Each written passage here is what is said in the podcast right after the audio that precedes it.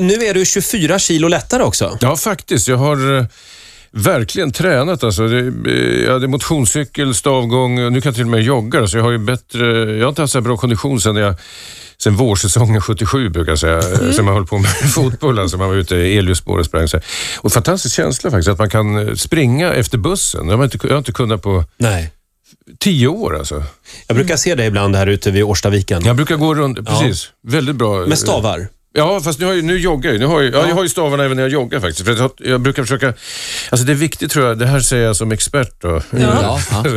att man faktiskt rör sig i oländig terräng. Därför att man har så många muskler. Du har 10 000 Mm. muskler. Du- Springa på ett band på ett gym är värdelöst. Till och med elljusspår är inte så bra. Utan det är bättre att- om du kan steppa fram genom skogsterräng så är det det bästa. För då använder du fler muskler helt enkelt. Jaha, så du gör det? Ja, alltså jag fick ju det rådet från GIH där, alltså att eh, kan man röra sig i mer naturlig terräng så är det bra. Men det var Där. fantastiskt. Du kommer, du kommer stormande genom en skog när man minst anar det. Ja, ja, det kan ju som en älg. Ja, så här, verkligen. I ja. din mulle. Ja, med lite rödgrön kryptonit i fickorna. Är det, här, och det här är den fysiska delen av grejderismen.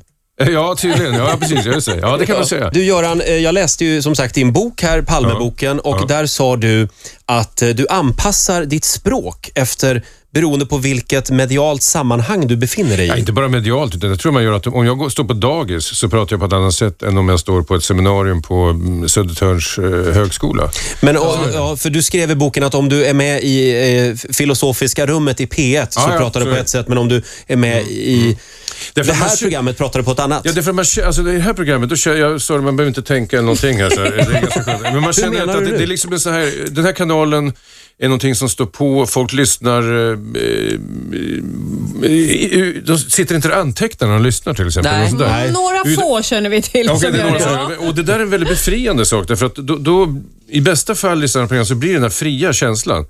Har du den nu?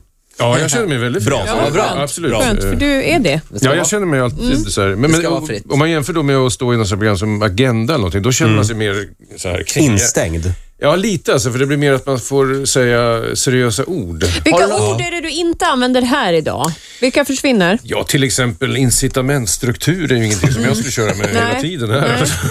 Nej. För de som antecknar funderar nu, hur Ja, fan just, hur, stavar man- alltså, han ja, ja, det är väl så här, Ja, alltså, det är många insikt- sådana ord som, men om jag säger det i något sånt här program, eh, eh, ja, jag kommer inte på I Agenda. agenda då, då är det bra.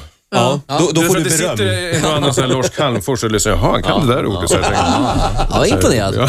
ja, men det är så alltså. Det är, Och så går han hem och googlar det Är själv. det, är det en härskarteknik att använda avancerade ord? Ja, det är det ju definitivt. Alltså, det, spelar, alltså, he- det är helt enkelt så att svenska språket är fullt av eh, framförallt nationalekonomer. Jag gav ut en ordbok för en 10-15 år sedan som handlade om det språk Mm. som eh, framförallt ekonomer använder då, för att vilseleda oss. De talar till exempel om att vi måste öka lönespridningen i det här landet. Det låter ju jättebra, de sprider ut lönerna fint. så här. Mm. ja. Men det betyder att man ökar löneklyftorna, det är det det betyder.